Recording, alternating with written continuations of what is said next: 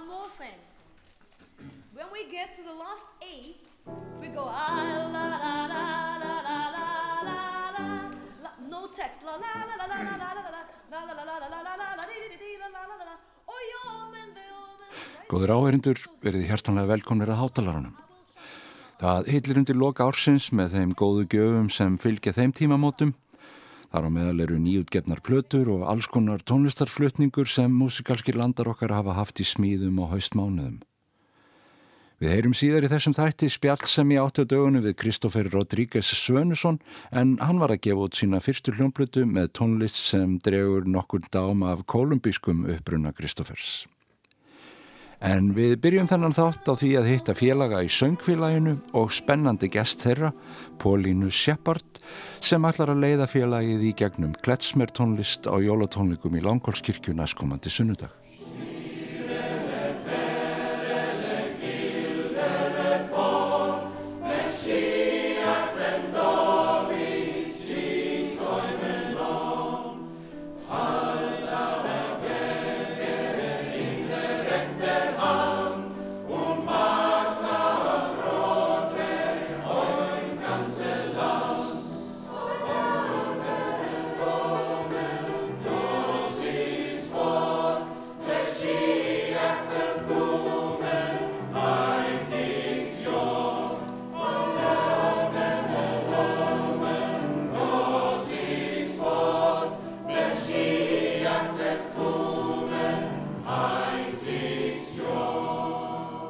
Paulina, what were you singing about? Oh, the song you just heard was about the Messiah coming to us very soon, and we hope that people, not just in Israel but in the whole world, will settle in peace mm. finally. So, a big message. It's a big message, and it appeals not just to the Jewish people, although it's a Yiddish, traditional Yiddish tune, yeah. uh, actually with a Yemenite melody. It's already international, but we make it even more international by including the whole world. Yes, very important, I think. But you yourself, you're from, you're, you're born in Siberia and Correct, brought up? yes. I was born in Siberia in Novosibirsk and then I lived my younger years in Tatarstan, which is uh, closer to here but still a thousand kilometers east of Moscow, mm. central Russia. And then I moved to Britain. Við vorum að syngja um komu frelsarans og alþjóðlegan fríðarbóðskap. Melodían blanda af ítiskri tónlist og jemenskri. En Pólína Seppard er upprunulega frá Sýberju en býr á Brellandi. Ég nefndi við hana að við Íslandigárar erum ofta álitnir exotískir þáttegutunir í henni alþjóðlugu tónlist en fyrir okkur væru hörinningatengslinn við Sýberju oftast tengd einhverju svartóli sem Sovjetið hefði sendt vandraðagemsa sína í. It's kind of true. It's kind of true. To be honest, I didn't really live there long enough to to experience that. My, I have aunts and cousins there, and I visited, and I know that now it's a modern, you know, the modern towns, modern cities. Það talsar til í því, segir Pólína Shepard, en tekur þó fram að hún hafi reyndar ekki búið mjög lengi í Sýberju sjálf. Og hún var kvött til tónlistarlífsins strax á þessum slóðum af stórfjölskyldunni sem innprentaði með henni ákafa fyrir tónlistinni. Meiri segja laglaus fadirinnar söng fullum hálsi með músikalskari meðlum um fjölskyldunar en móðurinn sem var kórstjórið að atvinnu hvati hana til að reyna fyrir sér í músikinni. piano and sing with them. My father tried to sing and sang really out of tune, but he still sang. So everyone would sing. And um, because I was very musical since I was a child, my mother, who was already a professional choir leader yeah. and the singer, encouraged me to do it. Okay. So, so I became a musician. En hvernig skildi ganga að kenna söngfélagsmeðlimum að tilenga sér kletsmer músíkina? Well, I think generally when people try to sing in a different style, uh, trying to sing in that style and be coherent rather than doing something very stereotypical and simple is difficult. So we need to get to the very essence. Það er mjög erfitt að tilenga sér smáatriði ákveðin stíls þannig að úrverði trúverðut flæði, segir Pólína Seppard. Þess vegna reynum við að nálgast þetta með því að komast að kjarnatónlistarinnar og skilja tilfinningarnar sem umræðir. Í framhaldi af því notum við svo hinnar fjölbreyttu aðferðir til að krytta flutningin eins mikið og hægt er. Gleðin í söngnum kemur manni lág. And making it into music, um, I think it's, it's difficult but it's fun. Yeah.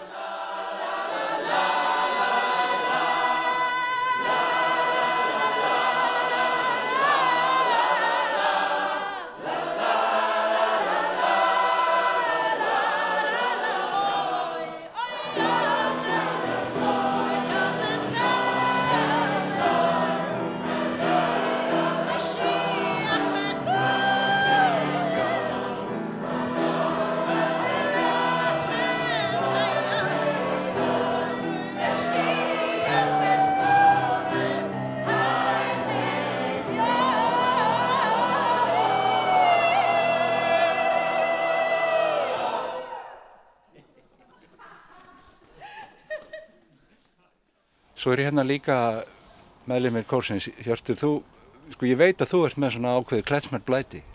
Já, já, það er, það er gamalt, það er gamalt vesen á mér.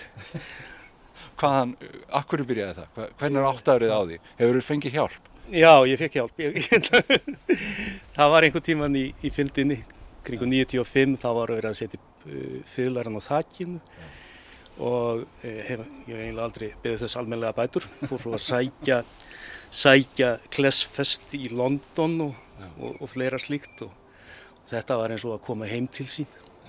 Bara ég hefði alltaf verið þarna. Og, og búin að vera þar ansi, ansi oft. Þannig að þú ert ekki, það er ekki fyrir þig eins og sé verið að taka þig úr axlarliðum hérna. Nei, nei, nei, nei, nei, nei, mér, mér líður afskaplega vel með þetta. Jón, þú ert svona fulltrúi kórsins, Já. forsvari fyrir kórin og hvað, sko, söngfélagið, er þetta svona, er þetta verkefni sem er svona típist fyrir, fyrir starf söngfélagsins? Já, það er það. það er, eh, Hilmar er alveg kosturinn okkar. Hilmar er náttúrulega opbóðslega duglegur að sækja í erlend samskipti og erlenda listamenn og það er gífurlegur heiður að fá Pólínu hérna til Íslands og hjálpa okkur í þessari tónlist. Hún er á heimsvísu í fremstu rauð í þessari tónlist og hennar eigin maður og fyrir okkur er þetta bara eins og að fá, fá, fá bara Messias hingað heim að kenna okkur að syngja þessa dásanlegu tónlist.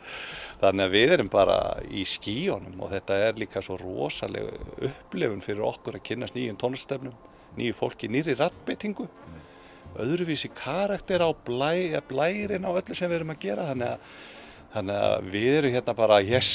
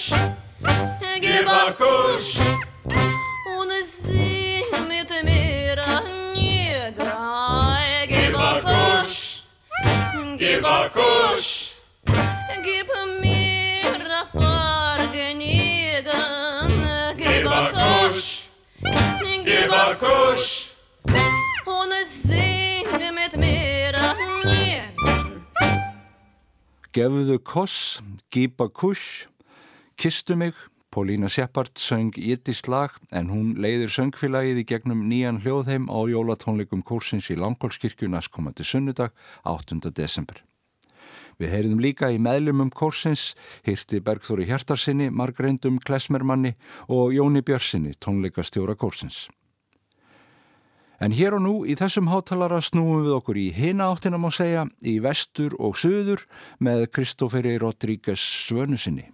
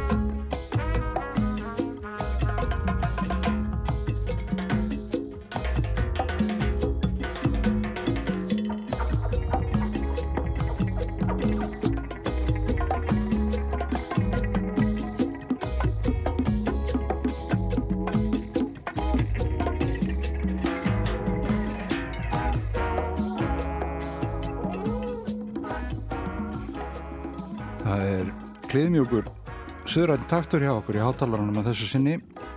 Og það er nú ástæðilega fagna þegar að músík eins og þessi er gefin út.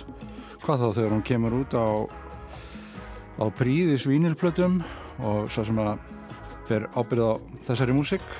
Höfundur og, og, og flytjandi er komin til mín Kristófer Rodríguez Svönusson Kristófer hvernig verður þetta til? Uh, þessi, þetta, nákvæmlega þetta lag. Þessi, Eða- þetta laga, þessi plata? Já, en, en þessi plata verður til í rauninni bara á uh, kannski fjár ára tímabili. Þar sem já, lögin spretta bara upp úr einhvers konar uh, tíma, tímamótum kannski. Mm. og það má segja að þetta sé í rauninni svona einhvers konar þverskurður af þessum tíma í mínu lífi og, hana, og þegar hvert lag er sami þá uh, endur svona það var bara að ljósi á rauninni á, á það sem ég er að upplifa hverju sinni. Þannig að þetta er svona fjö, fjör ára dagbók Já. músíkars dagbók Allavega, já, en upptökur hófus kannski fyrir hvað, tveimur og hálfu ári Já.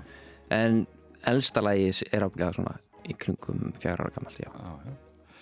En við ættum kannski að fara aðeins fyrri í tíma því að þegar maður sko, hlustar á latinmúsík og, og maður er með mann hérna sem að sko, ber meðal annars nafnið Rodríguez þá svona er ákveðið sko, kemur upp í hugan og þar sé ákveðið forskot Segð segð okkur aðeins frá svona, þínum uppruna og hvernig þú Já. kemur inn í þessa músík já hann er sagt, ég er hálfur frá Kolumbíu, hálfur Íslandingur Já.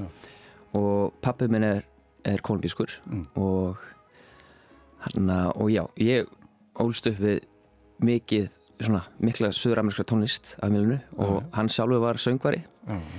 Hann að þegar hann var ungur. Já. og já, og þannig svona hefur þess, þessi tónlist, þessi tónlistararfur haft áhrif á mitt líf. Já, og ég held líka að það sést aldrei svona þegar maður elst upp sem blandar einstaklingur í samfélagi sem er frekar svona uh, einsleitt. Já, þá heldur maður kannski aðeins fastar í já, það sem já, svona uh, einkenni mann. Aha, og ég held að það sé alveg klárlega máli hjá mér að ég hef einhvern veginn bæði af bæ, bæði af öðrum hef ég verið skilgreindur sem einhvers konar blandaður einstaklingur en Já. svo líka hefur það bara við orðið mín skilgreining af mér. Þannig ég hef haldið einhvern svona þjættar í þá arlið og svona þá menningu og þú talar um sko þessa skilgreiningu sem svona fullkomlega jákvæðan hlut allavega. Uh, hún, hún ég held að ég hef bara já, ég ger hana af því held ég bara. já, Já. já. en þú hefur upplifað hitt líka? Uh, já, já, já, en, en ég líti á þetta bara sem þýlík akkurat þýlíkan brunn bara til þess að já, sækja í eitthvað gott sko þannig að þetta er, þetta er bókstarlega í blóðbórið að, að, spila þetta. Já, og, sko, og þú trommar þetta mikillir list og semur lögin og mm. sko, var- byrjaður strax að, að spila á kongur og stafverk hvernig, Nei, sko, ég byrjaði frekar seint, þannig að ég byrjaði rauninni að æfa svona, ég, ég fór á einhver námskeið sem svona barnólingur Mm. en þannig að já, ég byrjaði, ég fór ekki FIH fyrir ég var orðin tvítugur, sko. Já, og hefði bara þá farið í námskeið fyrir það en hvað var að slagverki þá? Hef ég, hefur það einhver mér alltaf verið svona mín tilneng að spila slagverk? Mm. og ég var það heppin að læra undir honum Matta Hemstokk, Mattias Hemstokk. Já, og með honum gati ég bara einhver minn alveg móta þá leið sem ég vildi fara sjálfur. Já, og fekk alveg svakalega stuðning frá honum. Og já. Og hann meðal hann spilar inn á eitt lag já, inn á plötunni. Einmitt. Og þannig að en svo hef ég já, svo hef ég verið að fara mikið erlendis hef verið nýtt þess að þegar á tónleikaferðalöfum hef ég nýtt það og verið kannski lengur eftir í ákveðnum borgum og tekið enga tíma þar og svona hef farið meðal til Kúpu og, og, og já, vísvarum bandaríkin í slagstíma og svona og líka til Kolumbíu og þú ert sko, þú ert náttúrulega ekki bara með þetta verkefni, þú talar um að ferðast, þá ert að þú ert að spila með Június Evan Já, og, og það svona ferð með því daldið Já. út um við að veröld bara. Já, við höfum verið að túra alveg mjög mikið síðustu fjögur ár held ég, já, fjögur, fimm ár. Og hann að það er rosa spennandi og, og hann að þýlikur hópur sem það er. Og hann að mikil blessun að fá að túra með þeim sko. Já. hann að, En þetta er fyrsta platan og það er, það er fjölskipaður flokkurinn sko og hérna Primo heitir platan og við vorum að hlusta hér á Combo Macondo. já, Þetta er, þetta er, það er mikið á spænsku, hérna Já. titlar og, og hana. þetta er svona skýrskotun í hann að Macondo sem er hann að bærin sem hundra ári einsemt Já, gerist í eftir já. Gabriel García Márquez Aha. og hann að, já að vera svona einhver skýrskotun í það Já, tilvísin í bókmyndarfin, það er Já. alveg á réttum stað sko, þetta er vist, maður hefur hert það, þetta sé rásins hugsandi manns. Já, einmitt og við ætlum að heyra hér í, sko, við að heyra kannski bara titilegið Já. næst, hvernig væri það? Og það er nokkuð ágætt að við heyrum hér áðan í Eiríki Orra á trompett og, og svo þetta var útsending eftir, eftir, Andra Ólafs, Uh, eða hvað? Já, sérst Brassið. Já, brassið. Þannig að Andri sér um að hann hjálpaði mig með að útsetja uh, sérst, brassið fyrir þrjúlög. Og svo var það hún Sigrún Krispur Jónsdóttir sem, sem, sem hjálpaði mig með önnur þrjúlög. Ok, Já. og og þetta var akkurat svakalegt brassgengi. Þannig að stundum allt upp í 6-7 manns. Þannig að gott að treysta á hæft fólk til þess að velja rættir og gera þetta juicy. Við erum með hérna Sigrúnu Krispurgu, Samuel Jón, Ómar Guðjóns á Súsafón Já, og Jón Arnar Einarsson á básinu og Ingi Garðar Erlensson á túbu og Helgi Heiðars á saxofón og Eiríkur Orri og Edda Lárstóttur á flautu. Við skulum smetla okkur hér í bara bókstarlega í Primo og það er Sigrún Grisberg sem útsetur brassið í því. já, Þú sjálfur náttúrulega með rithma útsendingar. já hvernig, sko, hvernig semur lögin? Eh, Syngur þau, spilar þau á bíjano eða Ég spilaði flest á gítar á gítar? Já, og svo skrifaði ég hérna, skrifaði þetta bara upp, svona lead sheet Aha.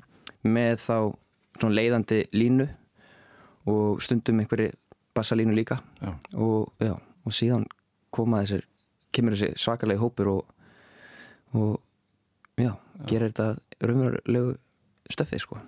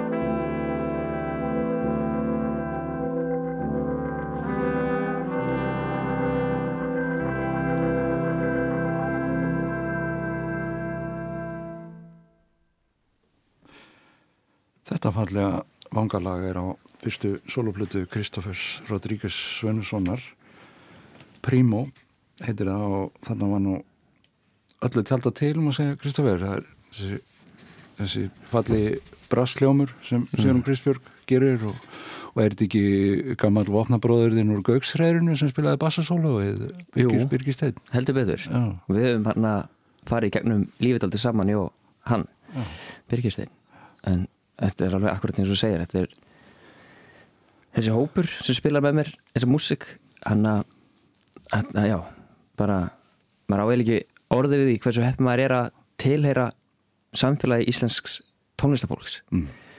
og hann að sem er alltaf tilbúin í vesen og rugl og að- láta svona, þú veist, batteri verða veruleika Já. og sína mann stuðning og já, þetta er alveg það er bara, maður á ekki orð yfir því. Hvernig og góðir hlutir taka sér góðan tíma í að gerast þú veist að lýsa, þetta, er svona, þetta er svona myndir frá fjögur ára tímabili Mm. og þannig að hvert lag á sér einhvern svona stað í þínu hjarta eins og til dæmis þetta, príma. Getur við farið yfir það? Já, sagt, þetta lag var einmitt sami fyrir fjórum árum, á jólunum fyrir fjórum árum og Primo þýðir frændi. Svona uh, uh, frænd, já, frændsískin eða þessar Primo Já, og þetta er samið um frænda minn sem hann og við erum, já, sískinabönn og hann var sér satt með strá, var að hitta báða strákarnir sína átti tvunga og á tvunga stráka. Og hann var að hitta þá svona saman við vorum allir saman í fyrstskipti í, í, hana, í langan tíma og eittu jólunni saman og þannig satt ég sagt bara að horfa þá leika Mm. og var með gítarinn og þá var þetta lag eitthvað minn til. Og þannig verða svona flest lögin til og platan jáfnfram nefndi í höfuð á þessum frænda mínum. Og þarna út því að hann já, hann spila á trommur þegar ég var hann að Polly já, já. og ég sá, það var svona fyrsti hann einstaklingur sem ég sá spila á trommur. Fyrsti áhrifavaldurinn? Já, alveg reyna línu sko. Já, og þarna og já, þannig að þetta er svona já til, all, til eitthvað honum. Til príma og frænda. Já, En talandum um áhrifavalda því ég, ég baði nú svona aðeins að hugsa um það og, og geta talað um, um það við okkur. Þú þú, þú ferð við það, það er, fólk talar um sko latinmusik sem einhvern svona, það er ansi stórt mengi sko. Og þú, þú ert svona úr kolumbíska umhverjunu hvernig, hvernig línur dregur svona milli til dæmis að þú tala um að fara til Kúpu og, og, og fara í gegnum þann skóla daldið getur þú líst svona einhverjum svona mun sem er á milli svæða svona í mið og Suður Afríku, neða Ameríku Já. í- músiklega? Sko hann að meira þess að bara innan Kolumbíu er munurinn svo gífurlegur. Þetta er bara uh, og fer í rauninu bara eftir svona eitthvað með einn blöndun uh, menningar og eins og þannig að eitt, eitt af þeim lögum sem við ætlum að hlusta á eftir hann að með hljómsveit sem heitir Grupo Socavón það, hún, svo hljómsveit er frá Vessuströndinni, Kirrahafströndinni og þar uh, engins menningin nánast engungu af menningu innfætra og svartra afkomundu þræla Já. og það er alveg einhver ótrúlega sérstakur sérstök tilfinning í þeirri músik sem er drefin áfram af þýlingur rithma og eina svona uh, ef kallam á hljóma hljóðfærið er marimban Já, sem það er jafnvel tvær þrjár marimbur í hverju svona bandi. Og já, þessi músik er alveg bara mjög afrísk en hefur líka þessa sterku tengingu við innfæta og, og síð, já, hefur tekist hefur te, svona haldist reyn á einhvern nátt já, alveg mjög sko alveg, og ég akkurat farið hann að ferðast um þetta svæði hann að þetta er hérað sem heitir Choco og það er einmitt hann að ég fór á, á hann að í bæ sem heitir Vaja Solano og það er bara akkurat einn vegur uh, og allt einhvern veginn svona já, maður upplifir að þetta sé algjörlega ósnert af Mm. einhvers konar popkúltúr í rauninni. Já, hann að, já það er nú kannski hægt að finna þetta sko eins og í, í kúpu tónlistinni það er mennir nú svona að reyna að varðveita sko svona jórúpa Einmitt. tenginguna í því gegnum Santeria músík og, og annað. En það er nú kannski það, það, er, það er minna svæði kannski er, erfiðar að halda því hreinu. Já, en svo er það akkurat áhugavert talandi um Jórupa, þá er hann að ef maður fyrir norður í Mm. Kolumbíu þá er hann að annar stíl sem heitir, þú veist, akkurat kumbia og mabalé, Mm. mabalé er í rauninu bara svona kolumbist afbreyði af uh, þessari san, Santeria hann að rúmbu sem er að finna á kúpu Aha, sem er akkurat bara drifin áfram af slagverki og einum svona leiðandi söngvara. Já, já. En þetta sem við ætlum að heyra hérna Kvítate Já, gítar Kvítate þetta í með, með askalera Já, farðu af, þú veist, þú þýða þetta fyrir mig. Farðu af stíðanum mínum. Já, ég held, að- held að það sé bein þýðing. Kannski er, er hún á þetta því þetta dýpra en, en bein þýðing allavega. Já, þetta er sagt, tónlist frá versuströndinni Mm. sem einkennist af svona 12-800 rytma og laglínun oft sagt, bara vennilegur fjóruðpars þannig að rytmi Já, sem síðan myndar svona póli rytma og hann kemur svona skemmtilegt eitthvað með tegja í músíkina. Heyrum þetta. Yo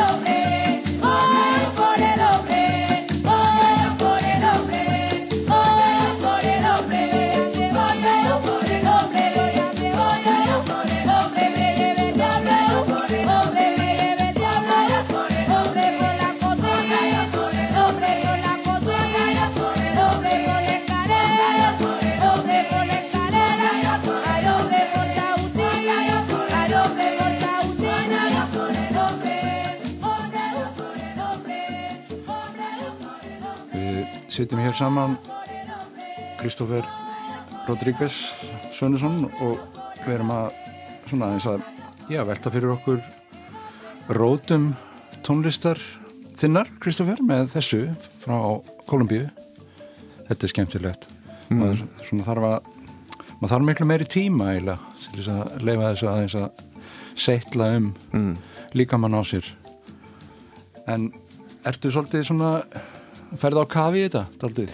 Já, alveg. Já, mi- hana, já, ég hef mikið hlusta á mismunandi tónlist frá, sérstaklega frá Kolumbíu en líka bara frá uh, í rauninu svona Kirrafs neðan að segja Karibíska hafinu. Mm. hann að hvers þessi hann að kúpansk músik eða músik frá Mexiko mér þessi líka. Og hann að og já, sæki bara, mér finnst það að vera algjörðu vítamín fyrir mig sko, sæki mikið í þetta og færðu, finnst þér að fá sko því þú ert náttúrulega að spila allan fjáran annan en latinmusik sko, finnst þér að geta sótt mikið í þetta svona í, í því sem þú ert að gera með öðrum? Já, ég hann að held að þarna, það sem mér finnst einhvern veginn líka svo geggja við Íslands tónlistarlíf að, og senuna er að þarna, það er einhvern veginn sveigurum fyrir alla Mm. og mín nálgun að tónlist og að, að því að tromma er daldi þessi perkussífa nálgun og þá einhvern veginn er ég ráðin eða fengin inn í verkefni á þeim forsendum. Mm. að það er verið að leita af því elementi. Og, og ég, já, eins og bara með Június Meivand, ég fæ að algjörlega frjálsar hendur við að, við að hérna, útsetja og spila slagverk og trommur og Já. sæki bara nánast alltaf í suðuramiska tónstarar sko, Já, hvað það var þetta er náttúrulega orðið þannig líka í, jafnvel í mainströmmnum sko, það er, það er náttúrulega áhrif Já, hvaðan sem er. Það er litla líkur á því að, að fólk reynir svona að, að setja einhvern þröskuld á, á kolumbíumannin í því hvar sem þú, hvar sem þú svona beitir því fyrir þig. Mm. En sko hvað, þú ert með vel á annan tugin af mannskap á þessu, þannig að uh, hvernig sko spilast þetta þá í svona raunveruleikanum? Getur þú haldið úti í unitinu? hann að Fullskipuðu? uh, ótrúlegt eins að þá þarna, vor, við vorum sér að spila fyrir KXP útvarstöðina Já. á nýliðinni erfiðsáttíð og við vorum tíu manns á sviðinu Já. og náðum tveimur æfingum og þetta kalli ég kraftverk Já. fyrir erfiðs hanna viku og já, þannig að akkur eins og ég segi, það er einhver megin svo ótrúlega hvað er mikil velvilji hjá, hjá þessu fólki og bara og milli fólks í, í þessari senu og, og það, já, það vilja allir láta þetta virka Já. og meðan ég er að svona dásama öllu þessu fólki sem tók þátt í þessu, það verð ég líka að nefna hann hann uh, Kjartan Kjartansson Já. sem hann var bara þvílíkur stuðningur í gegnum alla þessa plötu, hann sér mixar og masterar hana Já. og ég tók þessa plötu upp sjálfur að, að öllu leiti en hann var bara svona alltaf því þurfti aðstóð þá hann gæti leita til hans og Já. og já, hann, fyrir mér er hann bara svona einhvers konar verndar hann að dillingur græsrótarinnar, svona jazz og hann að spuna græsrótarinnar hér á Íslandi það geta allir einhver megin Mm. Man, maður, já, Já, ég tek undir það, Kjartan er búin að vinna mörg. Mikilvæg viðvik í, í svona tónlist sem er svona kannski aðeins á viðarinum. já og alltaf til í vesen og ég, það er einhver megin ég held að það sé svona samsamna fólki sem er til í vesen Já, sem ég fíla já þetta, er, þetta eru góð lokaður. Það er hérna hægt að mæla með Primo, þar sem er sem sagt, hartnær 20 mann sem er tilbúið í vesen og er búið að setja saman þessa fínu músík. Takk fyrir komuna, Kristófer, við skulum enda þetta á hittaranum. Are you here? já